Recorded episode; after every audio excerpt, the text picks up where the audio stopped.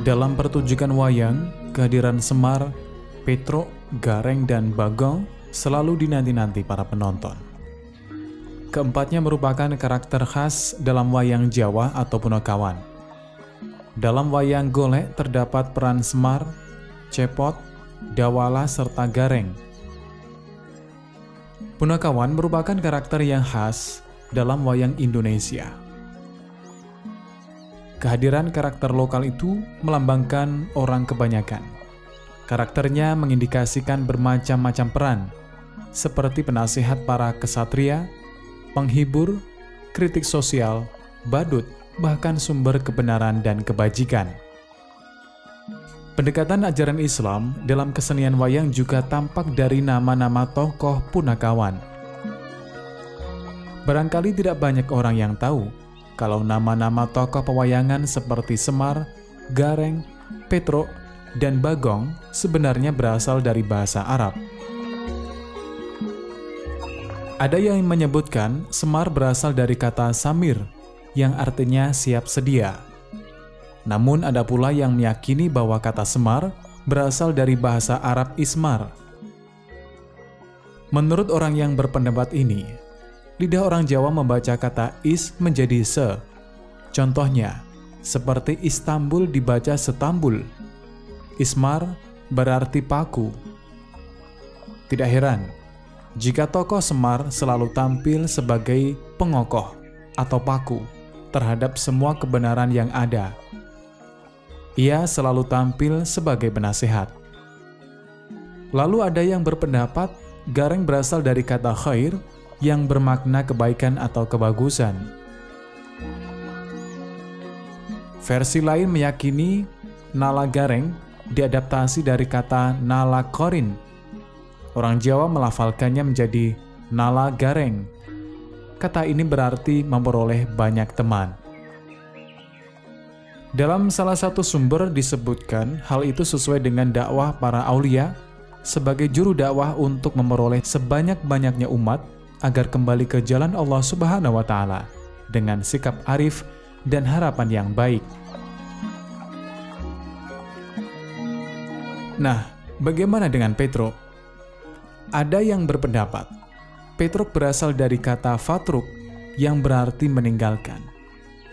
Selain itu, ada juga yang berpendapat kata Petro diadaptasi dari kata fatruk, kata pangkal dari sebuah wejangan atau petuah, tasawuf, fatruk, kula ma siwallahi, tinggalkan semua apa pun yang selain Allah. Wejangan itu menurut tulisan dalam laman wayang blogspot.com menjadi watak para aulia dan mubalik pada waktu itu. Pedro juga sering disebut katong bolong, artinya kantong yang berlubang. Maknanya bahwa setiap manusia harus menzakatkan hartanya dan menyerahkan jiwa raganya kepada Allah Subhanahu wa taala secara ikhlas, seperti berlubangnya kantong yang tanpa penghalang Sedangkan Banggong diyakini berasal dari kata bago yang artinya lalim atau kejelekan. Pendapat lainnya menyebut Bagong berasal dari kata bago yang berarti berontak, yakni berontak terhadap kebatilan dan keangkaran murkaan. Nah, dalam pergelaran wayang, keempat tokoh punakawan itu selalu keluar pada waktu yang tidak bersamaan. Biasanya, tokoh Semar yang dimunculkan pertama kali, baru kemudian diikuti Gareng, Petro, dan terakhir Bagong.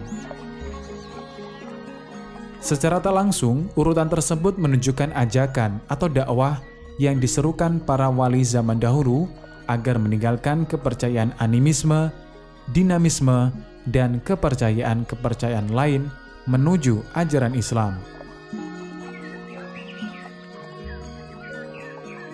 Jika punakawan ini disusun secara berurutan, Semar, Gareng, Petro, dan Bagong, secara harfiah bermakna berangkatan menuju kebaikan, maka kamu akan meninggalkan kejelekan.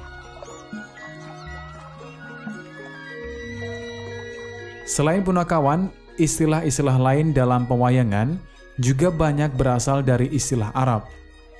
Astina yang diistilahkan sebagai nama kerajaan para penguasa yang lalim, diakini lebih dekat dengan kata asyaiton.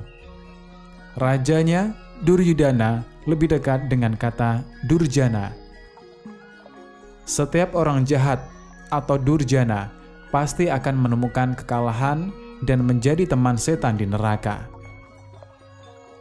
Saat seseorang dalam memainkan bala astina dalam pentas wayang, mereka selalu ditempatkan di sebelah kiri bersama-sama dengan para raksasa. Sedangkan Pandawa lima selalu di sebelah kanan. Hal ini menggambarkan bahwa yang baik dan yang buruk itu berbeda. Sementara itu, tokoh pewayangan yang dikenal kuat, perkasa, dan berjiwa kesatria adalah Bima. Dia memiliki kekuatan yang disebut Dodot Bang Bang, Tulu Aji, dan Kuku Pancanaka. Kata Tulu Aji bermakna tiga aji atau tiga kekuatan. Maksud ajian itu adalah Bima diselimuti tiga ilmu, yaitu iman, Islam, dan ihsan Sedangkan kuku Pancanaka merupakan kekuatan untuk melengkapi Dodot Bang Bang Tulu Aji. Kuku Pancanaka memiliki arti kekuatan lima waktu. Apabila kedua kekuatan itu digunakan, merupakan simbolisasi yang berarti apabila telah memiliki iman, Islam, dan ihsan, tidak akan pernah meninggalkan sholat lima waktu. Kata dalang sendiri diambil dari kata dala, yang berarti menunjukkan jalan yang benar. Demikian juga kisah-kisah wayang yang dibuat oleh Wali Songo, kesemuanya menampilkan cerita islami. Di antaranya cerita jimat kalimat sada atau kalimat syahadat, Dewa Ruci, Petruk jadi raja, dan Wahyu Hidayat atau Wahyu Petunjuk.